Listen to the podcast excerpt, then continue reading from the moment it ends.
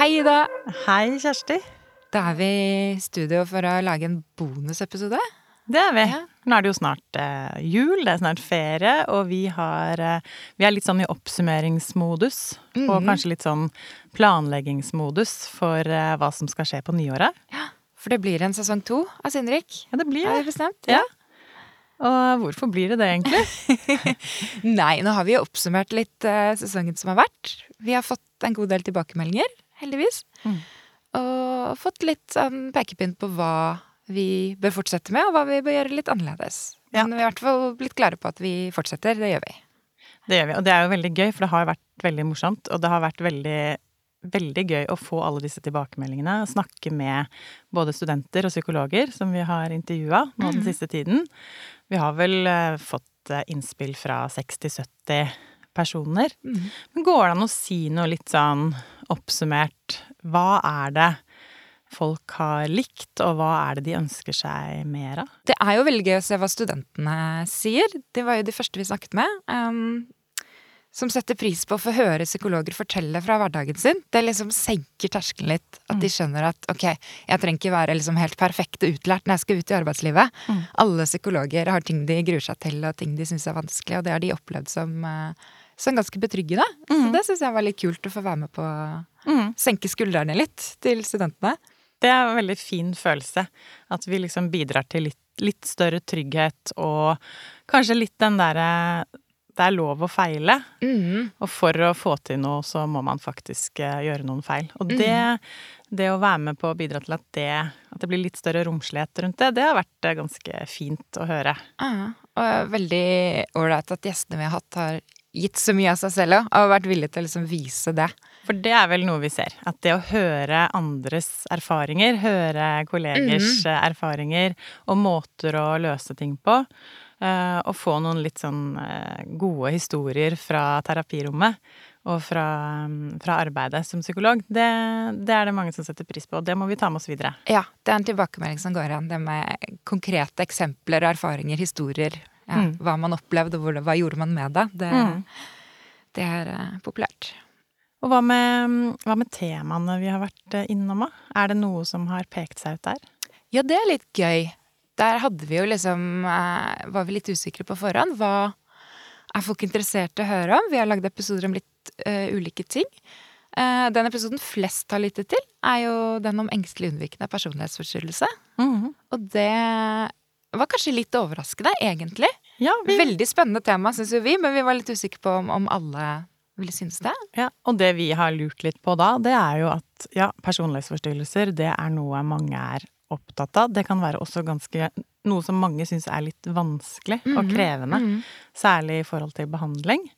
Eh, Og den episoden var jo veldig fin, fordi der fikk vi både litt sånn fersk forskning kombinert med ok, men hvordan tar vi dette nå ut Mm. i praksis?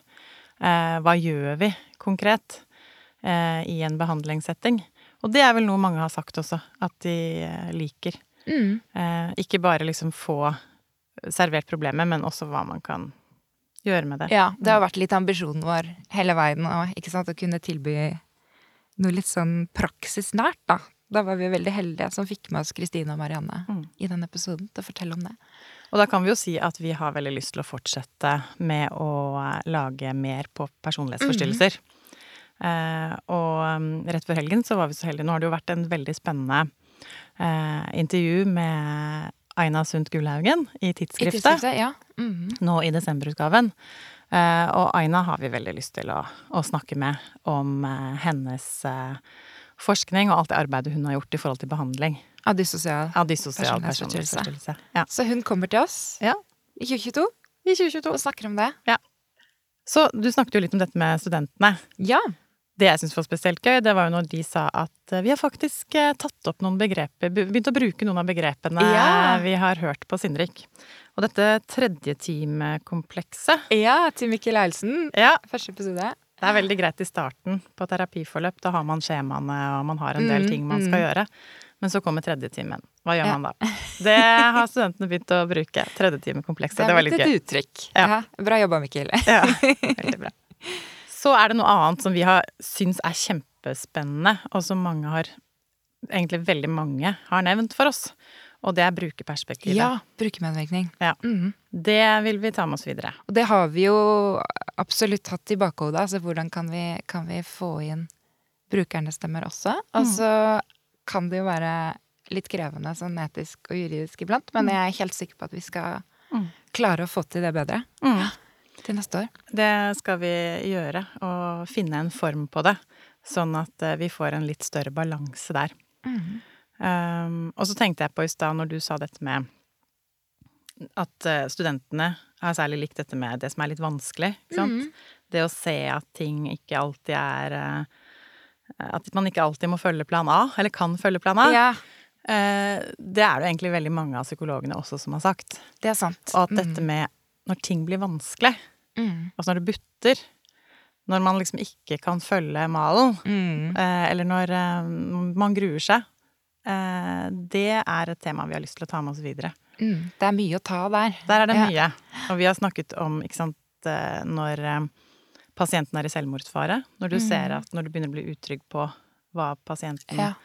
eh, og, Så dette med selvmord, det er også noe vi vil eh, Mm. ta med oss inn i sesong to. Og også dette med aggresjon og vold har vi snakket om. Ja. Hva gjør du om, om pasienten blir aggressiv? Ja. Mange sitter jo i, i jobber der det er en del av hverdagen. Ja. Det er spennende å høre mer om det også. Ja.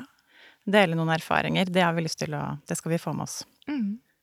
Men vi har jo også underveis gjennom eh, høsten, Kjersti, eh, laget noen nye ting.